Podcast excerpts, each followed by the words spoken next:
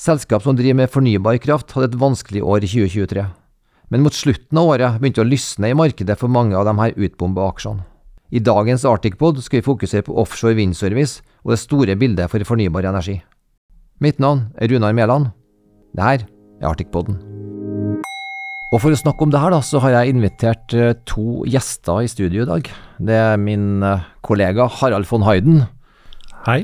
Hei, Harald. Du som om kort tid faktisk skal tjene hele landet, da han tar over som sjef for, eh, som jeg må lese opp, Global Head of Renewable Infrastructure i oljefondet.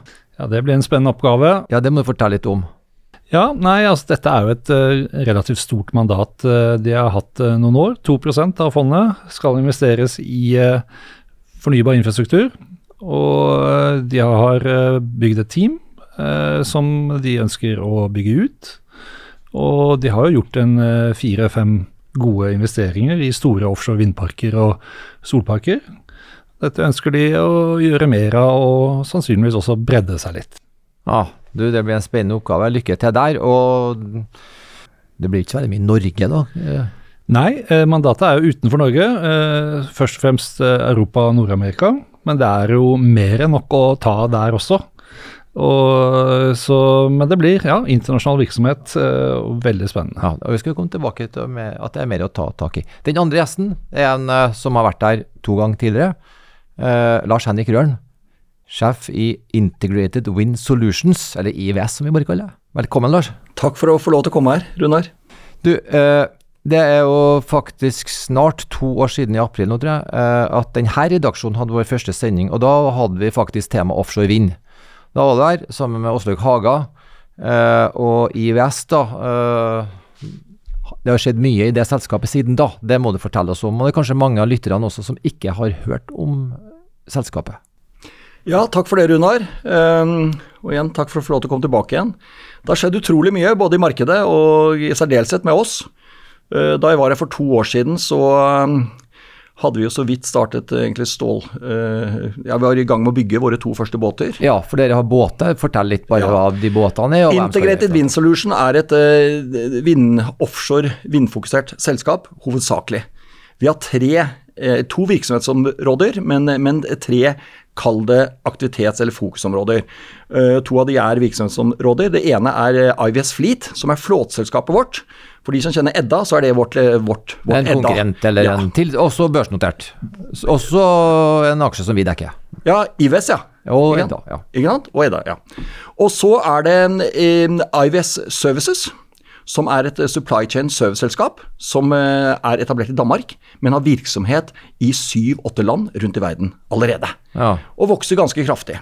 Hovedselskapet i IVS Service det er Procon, eh, som leverer eh, kall det eh, elektriske løsninger og elektrisk ingeniering-arbeid eh, til hovedsakelig til det som heter transition pieces, altså overgangsanordningen som laves mellom uh, fundamenteringen, altså foundation-røret, eller, står det, toppen der, og over mot tårnet som settes oppå. Det er overgangsordning og masse Det er også adgangspunkt for våre gangways når folk serviceteknikere skal på og av turbinene. Ja, for dere har da en stor heis om bord på båten? Ja, Ikke en heis med, men også altså mer, mer, en gangvei. Gangvei, ja. ja. ja. Det er tårn. Ja, det er tårn, og gangveien den kan eh, bevege seg helt ned til rundt en eh, ti meter over havet og opp til 30 meter. Vi har, eh, vi har Leverandøren vår er McGregor. En helt ny type gangways, som heter. Det er en serie som heter V4. Og et par av de er vel på Edda sine båter, og så kommer våre nå. Og det er noen sånn veldig høyteknologisk. Uh, gangways, som gjør også at det alltid er noen, noen, små utfordringer når du introduserer en helt ny teknologi. Så når de, men når de virker, så er, de, så er de, de, de, Det er ingen som er i nærheten på hva de har av muligheter og oppetid, og hvordan de også fungerer i ganske sånn harsh weather. Så båten legger til attmed en, eh, en vindmølle? Ja. Uh, ikke legger til, men legger seg ja, noen titalls meter fra. Sant, og så kommer den der, den der gangveien da, ja. over, og så er en dør på selve tårnet som noen går inn i, og gjerne service eller jobber da om oppe i vindmølla. Ja. Eller oppe i turbinen. Ikke rett inn i døren, men man går på en plattform. Ja. Dette er veldig store konstruksjoner, Runar.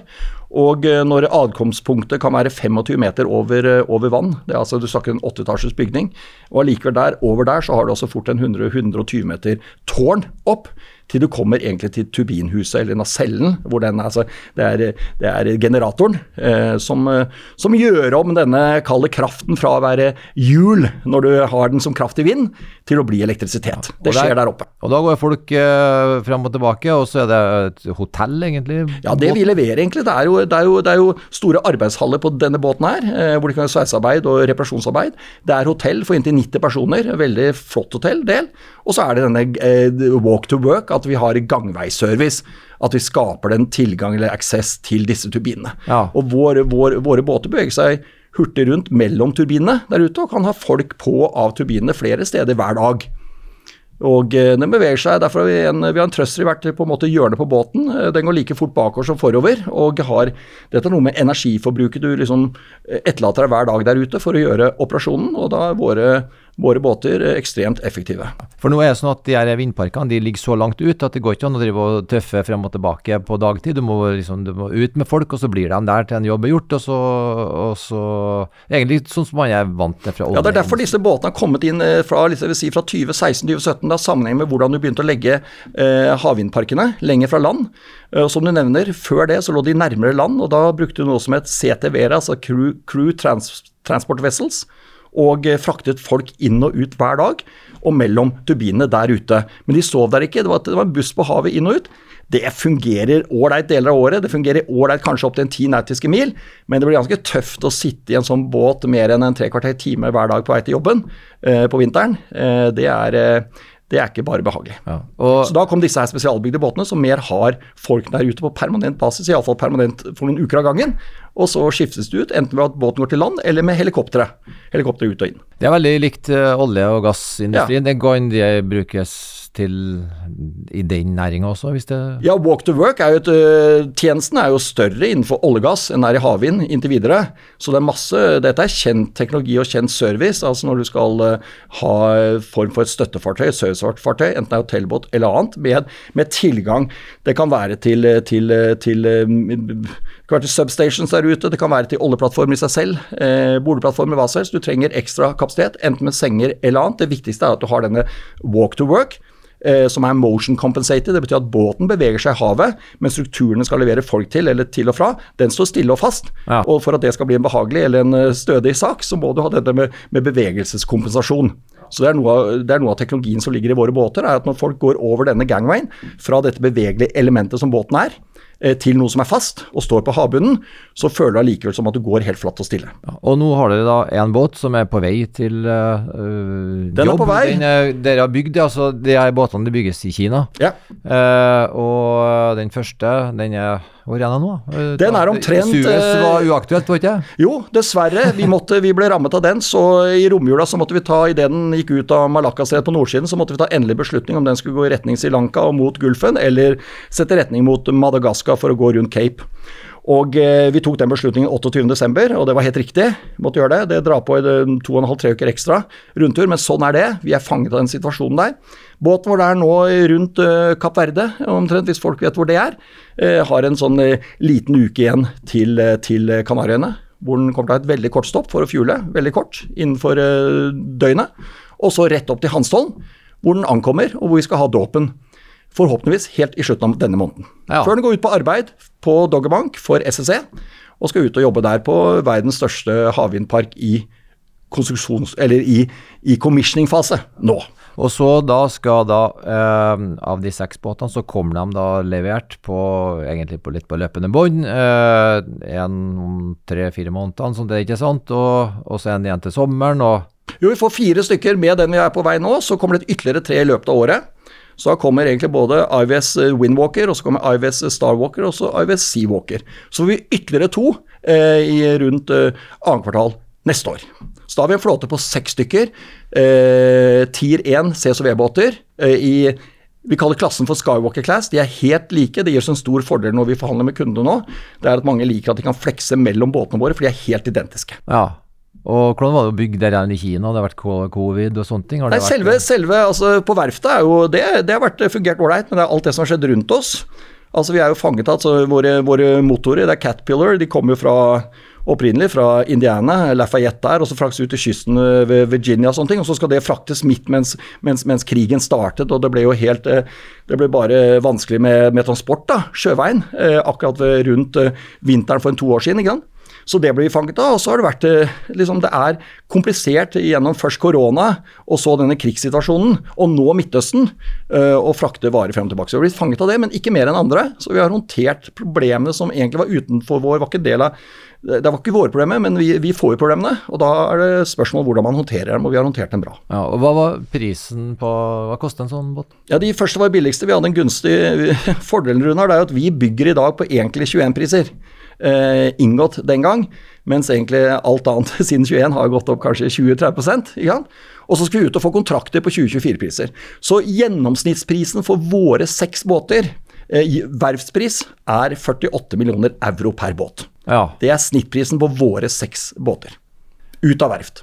Og aksjekursen, eh, som faktisk har da eh, vært eh, veldig bra, det er en fornybar aksje, hvis vi kan kalle det det, som har gitt en god avkastning til, til investorene. gikk vel 30% eller noe sånt i fjor? Ja, 25 iallfall. Ja, noe sånt, ja.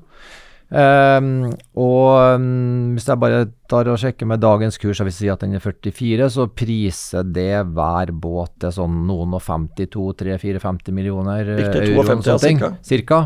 Uh, og så Hvis du holder de andre kjøpene vi har gjort altså i IV Services og i Peakwind, så vekker ja, ja, ja, det, sånn det, det, hvis det er til kostpris, ja så er det, så er det implisittprisen på kursen vår i dag. Altså Aksjemeglerne du, gjør det veldig enkelt. sant? Vi tar bokvertverdi, det er ikke så komplisert det her, eh, Lars. Uh, men en rate da, som uh, jeg sjekka litt med våre meglere, og det jo sånt, det er 40 000 euro om dagen. Det er kanskje noe som er sånn ok?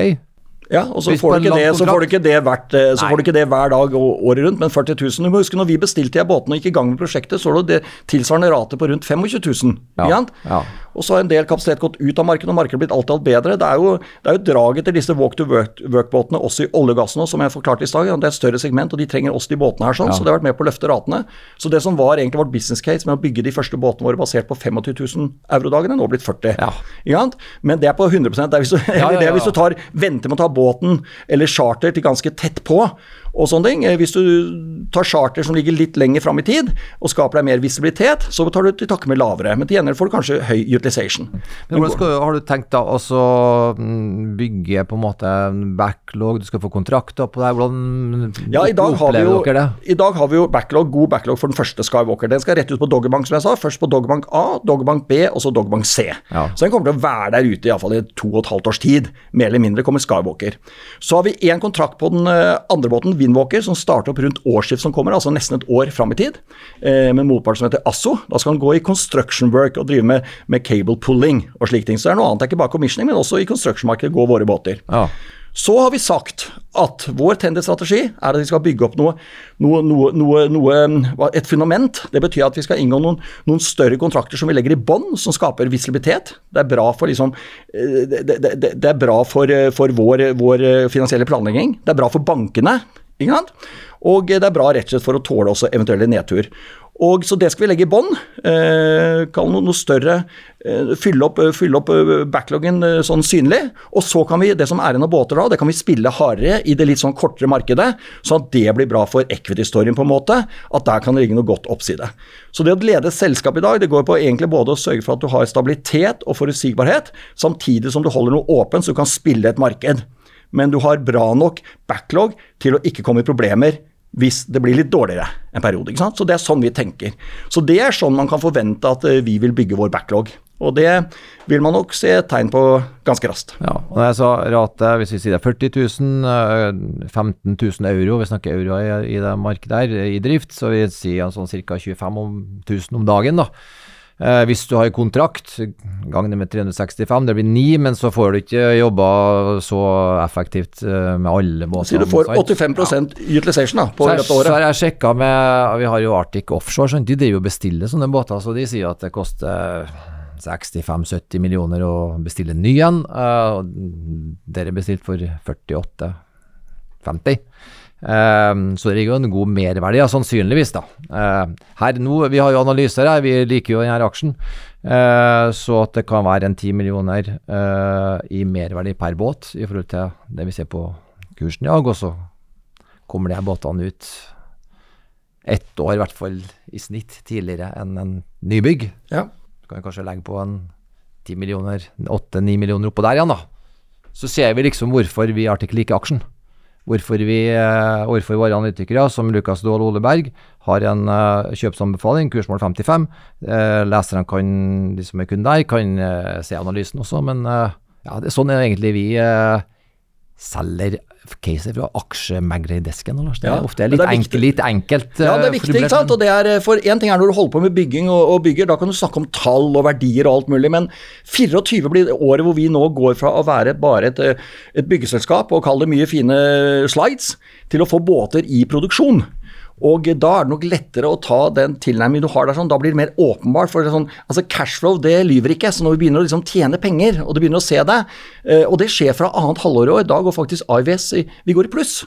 Så dette blir vårt første plussår. Det er morsomt når folk spør meg ja, men Lars, når er det du begynner å tjene penger da, i dette her vinselskapet ditt? Så det skjer i år. Oi, det har de ikke helt fått med men nå har vi kommet dit at vi kommer til å, å, tjene penger. Og Det som er morsomt med den situasjonen, det er at vi vet bare pga. båter vi er på vei inn i markedet nå, så vet vi at 24-resultatet vårt blir mye bedre enn 23, og 25 blir mye bedre enn 24 igjen. Og selv 26 har vi vekst i forhold til 25, bare pga. de båtene vi nå får inn. ikke sant? Så vi har en toårs vekstår i foran oss, Runar. Og det er det jeg tror, eller håper, at vi klarer å vise markedet nå, at det, det, det skjer nå. Og da er det jeg håper vi skal få noen av betalt for noen av de effektene, noen av de fordelene delene vi har i forhold til de som skal bestille nye båter i dag, eh, liksom, ikke har. da, Og det ja. skal betale seg i aksjekursen. Men du har, uh, Vi har snakka mye om båt, og du har nevnt uh, IVS Services. Men dere kjøpte dere inn i et selskap for et par år siden som heter for Peak Win. Hva ja, er det for noe? Ja, nei, det er, det er spennende. Det var uh, litt mer et par år siden. Det var endelig avtale i september 21. det var konsulentselskap den gang som drev primært innenfor offshore vind. På det tidspunktet var de, de var etablert i 2017 og hadde vokst til 85 mennesker. Og, og, omsatte for i noe omtrent det samme i danske millioner. Så da er det vel på rundt 130-140 millioner norske den gang. Så uh, har det utviklet seg til i dag også å drive konsulenttjenester innenfor Power to X. Altså de, disse, disse, bærerne vi snakker om. Hvordan du tar grønn kraft til å bli et eller annet X-bærer, X-produkt. Okay. Og så har de investert i en batteriteknologiselskap eh, som heter Hybrid Greentech, hvor de eier 27% og så har de en sånn intelligence-selskap som heter Sea Impact sammen med en annen aktør. Så eh, det selskapet har vokst kraftig. Eh, nå er de bortimot 200 ansatte. Jobber på Det er vel et, etter hvert på ti lokasjoner i åtte land rundt i verden. Fra USA, Europa og til Asia. Eh, senest i fjor etablerte vi oss i Sør-Korea, og de har vært lenge i, i, i Taiwan. Eh, vokser kraftig, jeg sa rundt 200 mennesker. Eh, er, et, eh, er vel et av de ledende uavhengige offshore havvindmiljøene i verden når det gjelder på, på, kunnskap. Jobber opp mot noen av de virkelig store kundene. I tillegg så driver de også de driver asset management av vindparker, både på land og til sjøs. Og er vel den største uavhengige. Da sier jeg at det, altså hvis selskapene ikke som eier vindparkene, ikke driver, eh, opererer vindparkene selv, så bruker man ofte en tredjepart. Det kan du gjøre innenfor vind og sol, men ikke i olje og gass. Da er det ja. alltid en som er i lisensen som opererer i feltet, men i vind og sol så kan det være tredjepart som gjør det. Og der har vel Peakwind nå ca. en underkant av to gigawatt under sin asset management. Og jeg regner med hvis vi, hvis vi vinner fram på noe av det vi jobber med der nå, så kan det være doblet når vi går et år fram i tid.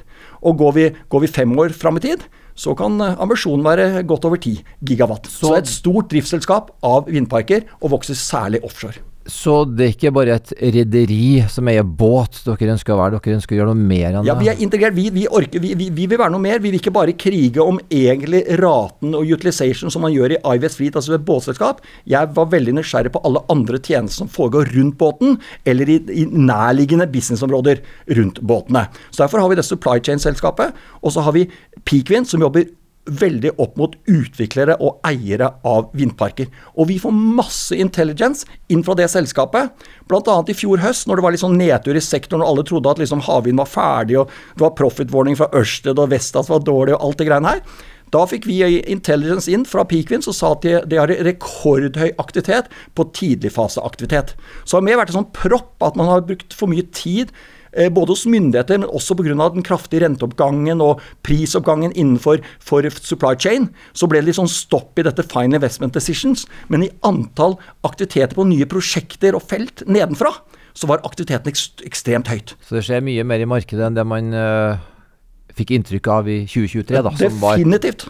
Dårlig år, oppfatt, i hvert fall, ja, det må jo sies å være. Ja, men ikke glem, i Europa så ble det et rekordhøyt år på, på, på endelige, endelige utbyggingsbeslutninger, altså FIDs. I Europa 13 gigawatt var rekordhøyt. Og ikke glem heller at et selskap som ble slaktet og snakket ned, eh, Vestas, de hadde rekordhøy ordreinngang. 7 gigawatt eh, ordreinngang på onshore og offshore vind i fjerde kvartal. Så det er ikke helt svart, men det er trøblete der ute. Eh, sjokket fra supply chain-prisene på vei opp over de siste to årene, det har ikke helt satt seg, men nå har vi nådd et nytt nivå. Nå ser man at det flater eller går litt ned. Det samme renta. Da trekkes prosjektene liksom ut av skuffen igjen. Og, og, og, og man tar endelig investeringsbeslutninger. Det så bl.a. på Hornsea 3 og på Norfolk siste år, helt på slutten av året.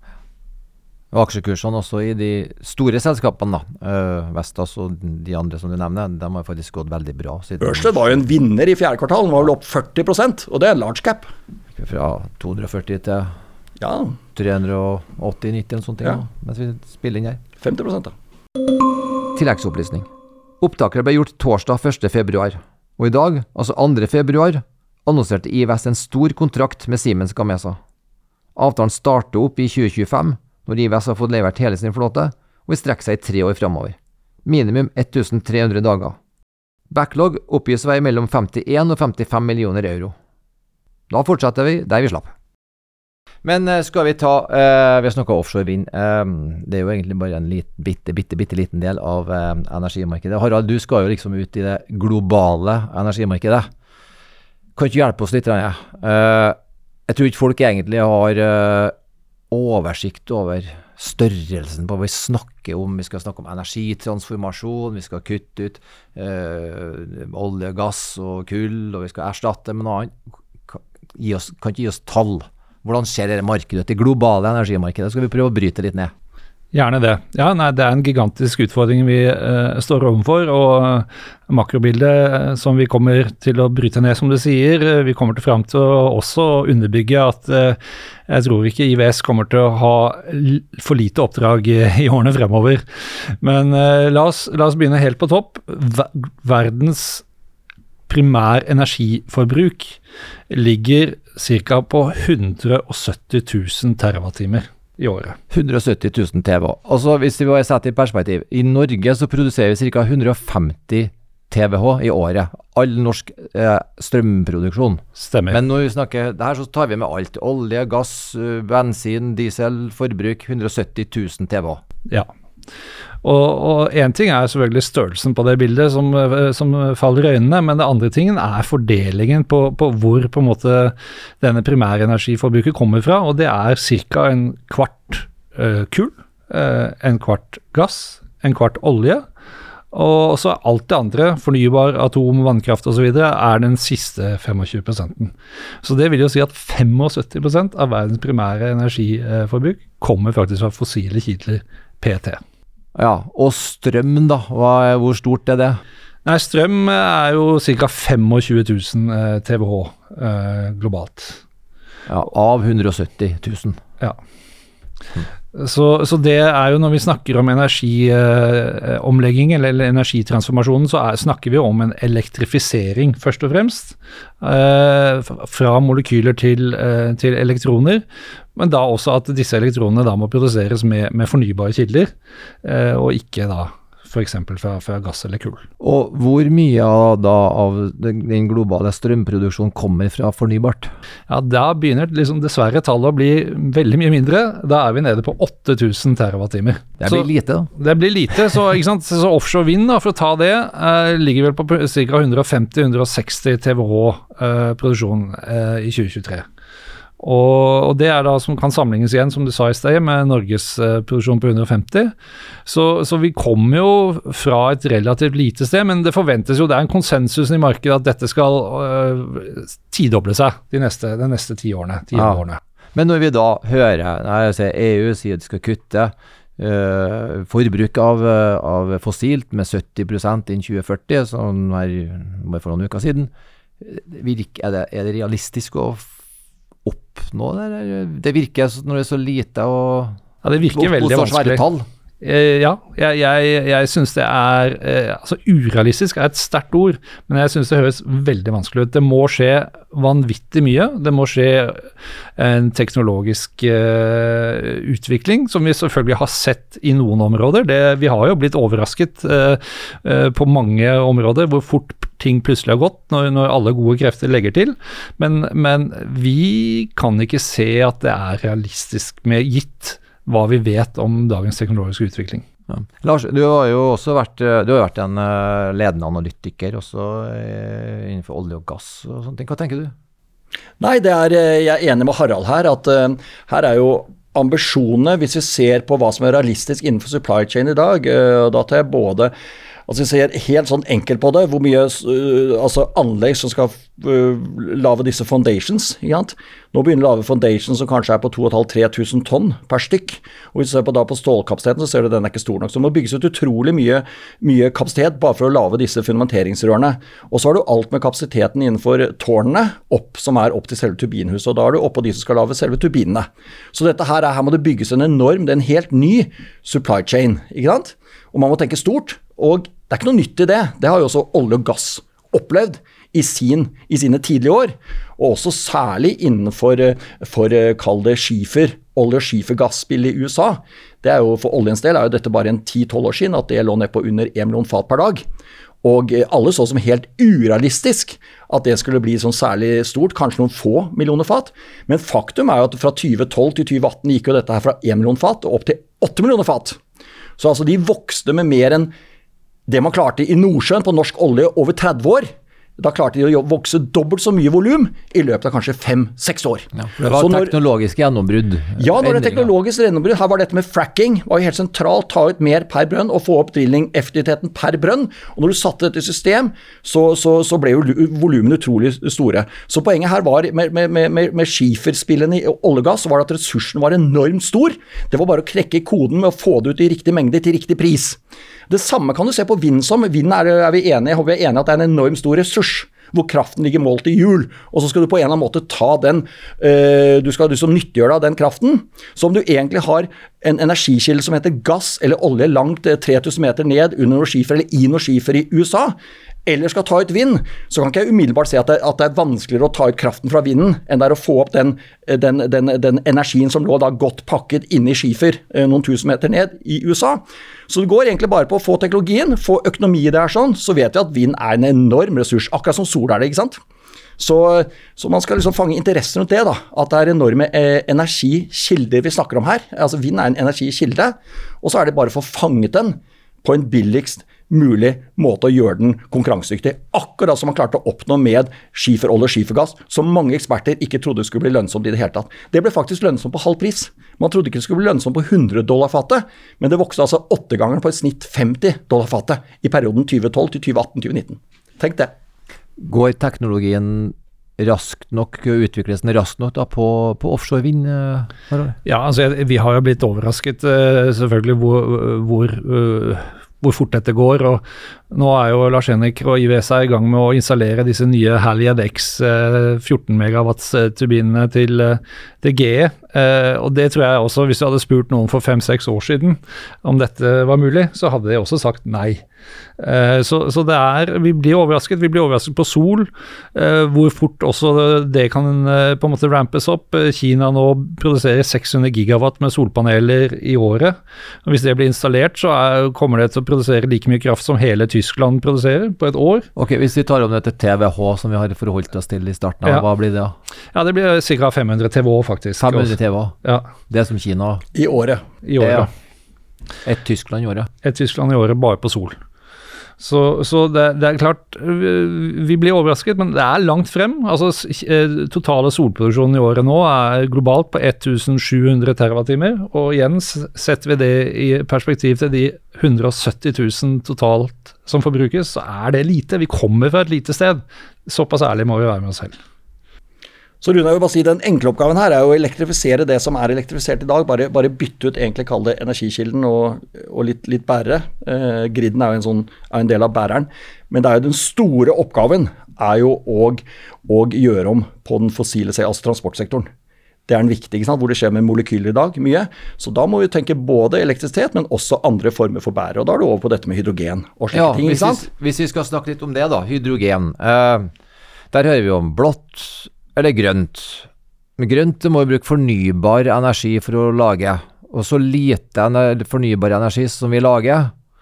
Så tenk, er det da logisk å bruke det til hydrogen, eller er vi over på Blått, Harald, forklar forskjellene på blått og grønt. Ja, nei, øh, Grønt hydrogen er som du sier, da bruker man rett og slett vann eh, og strøm. Og for at det skal få bli grønt, klassifisert som grønn, så må strømmen være grønn. Og som vi hørte, så er det jo lite fornybar energi i verden, 8000 TWh. Selv om det vokser ganske raskt prosentvis, så er det lite. Og skal vi bruke det da i en elekt elektrolyseprosess, hvor du da mister 30% av energien bare på å lage hydrogen, og så mister du en 30 en gang til når du skal gå tilbake fra hydrogen til kraft, så, så oppleves det som en liten løsning i det store bildet. Uh, igjen med den teknologien som vi har i dag, som er kjent. Jeg er derfor mye mer optimistisk eller på vegne av at man skal man, hydrogen bli en stor industri globalt og, og, og monne, så må vi gå veien om blått hydrogen først. Og det er? Det er at man rett og slett tar naturgass, og så fjerner man CO2-en. Eh, og, og da får man hydrogen. Så hvis du tar gass fra et felt i Norge inn til en fabrikk, lager hydrogen og pumpe CO2-en tilbake igjen, da er det blått? Da er det blått. Akkurat. Og det er en mye billigere og energieffektiv måte å produsere hydrogen på. Og det var jo, Vi hørte jo Equinor var jo tidlig, for et par år siden, eh, var de veldig på det sporet. Og så er det av forskjellige grunner, jeg tror mer politisk korrekthet, så har de liksom lagt det litt til side. Men, men skal, vi, skal hydrogen monne, bli en stor industri, så er det først veien om blått. Ja, og Det er litt av poenget med poden her, å få fram tallene og størrelsen på hva, så det blir sånn realistisk det man faktisk snakker om. Hva tenker du, Lars? Nei, Jeg er enig i tallene her. Vi kan snakke tall i, i mange timer, Runar. For tall er iallfall det, det, det er relativt fakta. Så jeg sier at, at, tallene her monner. Jeg er helt enig i det å gå forbi blått hydrogen. Jeg tror også at hydrogen blir ikke nødvendigvis stort for transportation-sektoren. Jeg tror det blir kjempestort for, for, for industrien. Eh, F.eks. altså gå raskest mulig til kall det mer grønt stål og grønn betong og slike ting. Så er det her eh, så Du må tenke hydrogen i storskala. Derfor er det litt sånn vanskelig å tenke i mindre skala på biler og sånt nå også i bunn og grunn tror jeg vi er liksom det vi egentlig snakker om nå, det er delkomponenter av fremtidens energisystem. Vi kaller det jo egentlig at du må se alle, alle asset-klassene i en sammenheng. De må spille sammen. Det er det vi kaller en virtuell power plant. Hvor du altså via du klarer å styre optimalt når er det du får den ikke-regulerbare kraften? Når er det den har en rolle inn i kraftsystemet? Og når er det andre mer baseload eller mer regulerbar kraft som vannmagasin kan spille sitt? Og jeg vil bare minne på at hvis du ser Mange sier at vindkraft er ikke regulerbart. Det er riktig. Men det er hvis du tenker én vindturbin. Begynner du å tenke 100, så er det litt mer, for da begynner det å bli litt som en portefølje. Der noen vil gå bra og blåse, eller levere, og noen vil ikke. Tenker du flere vindparker sammen, og gjerne i samspill også med f.eks. magasinkraft, så mener jeg at vindkraft sammen med magasinkraft i samspill, da, en, da, blir vindkraft som en uregulerbar kraft. Den, får, den får egenskaper som en regulerbar kraft, så lenge den spiller sammen med vannmagasinene. Ikke sant? Så du må tenke alt dette i en sammenheng hvor det er plass til alt. Det skal være plass til gass, iallfall ganske lang tid. Um, kjernekraft. Og så skal det være plass til vind på land, vind til havs, sol, batterier, hydrogen. Alle disse både kildene og bærerne og griden, kraftnettet, alt dette skal spille i sammenheng. Gjerne med noe sånn AI på toppen som leser egentlig etterspørselsmønstre og produksjonsmønstre, og så klarer man egentlig å prøve å få en optimal både forsyning og pris eh, til ethvert tid og ethvert sted. Altså hele tiden. Ja? Så det er liksom drømmen. Det er først når vi har knukket den koden her for alt til å spille sammen, da har vi det nye energisystemet. Så for meg har ikke dette bare noe med egentlig klimaproblemet å gjøre. Jeg tror det er lurt uansett, for jeg tror dette kommer til å ende opp med å bli billig, stabil, forutsigbar, god kraft. Enig. Vi har jo hatt Volley på besøk her også i studiet, og det, de prøver jo også å løse egentlig mye av det du snakker om her, Lars. Vi, vi, har jo selskap her i Norge og kompetanse her i Norge som liksom ligger fryktelig langt fram på akkurat det her. og Får vi utnytta det bra nok? Harald? Ja, eh, det er jo en, en, ting jeg har sagt i mange år, er at ja, Norge er en stor eh, energieksportør, men vi burde jo egentlig se oss eh, også som en stor energikompetanseeksportør. Eh, og det er også en, eh, litt en, eh, en, ambisjon jeg har for oljefondet, at, at vi blir liksom Vi får en, en ledende kompetansehub. Eh, på, på, alt det smarte og kompliserte uh, som er rundt energiverden. Og, og, der har vi veldig mye ta, god kompetanse å ta i Norge. Volue er eh, ett eksempel. Vi ser det i de store norske energiselskapene. Om det er Statkraft eller Hydro eller Equinor, og en underskog av software-selskaper som er helt verdensledende på, på optimering og uh, styring og bruk av, av, av kraft og energi. Jeg håper at du får lov til å komme tilbake til Arctic-studiet når du har eh, fått eh, komme godt i gang i jobben, for du har sikkert fått uh, sett enda mer av, av det her som du uh, kanskje ikke har fått her i huset så langt. Takk, gjerne det. Uh, og jeg ser også at uh, tida går, og vi, vi kan sikkert lage uh, mange episoder. Det, kom, det, det, tror jeg vi skal gjøre på det her. Jeg tror egentlig vi begynner å runde og avslutte her. Lars Henrik, tusen takk for at du igjen tok deg tid til å komme på besøk til oss. Og Harald, uh, lykke til i ny jobb, og takk for uh, alt. Takk for vel også. samarbeid. Tusen takk for å få lov til å komme. yes. This podcast has been prepared by Arctic for information purposes only. The information, opinions, and recommendations presented in this podcast are for general information only, and any reliance on the information provided in this podcast is done at your own risk. This podcast should not be considered professional advice. The information provided in this podcast is not intended to constitute investment advice, nor is the information intended as an offer or solicitation for the purchase or sale of any financial instrument. Relevant and specific professional advice should always be obtained before making any investment or credit decision. It is important to note that past performance is not indicative of future results. This podcast does not fulfill the criteria for preparing investment research and must be seen as marketing material. All information submitted during this podcast is obtained from public sources that Arctic believes to be reliable, but which Arctic has not independently verified. Arctic makes no guarantee, representation, or warranty as to its accuracy or completeness. No liability whatsoever is accepted for any direct or indirect, including consequential, loss or expense arising from the use of information from this podcast.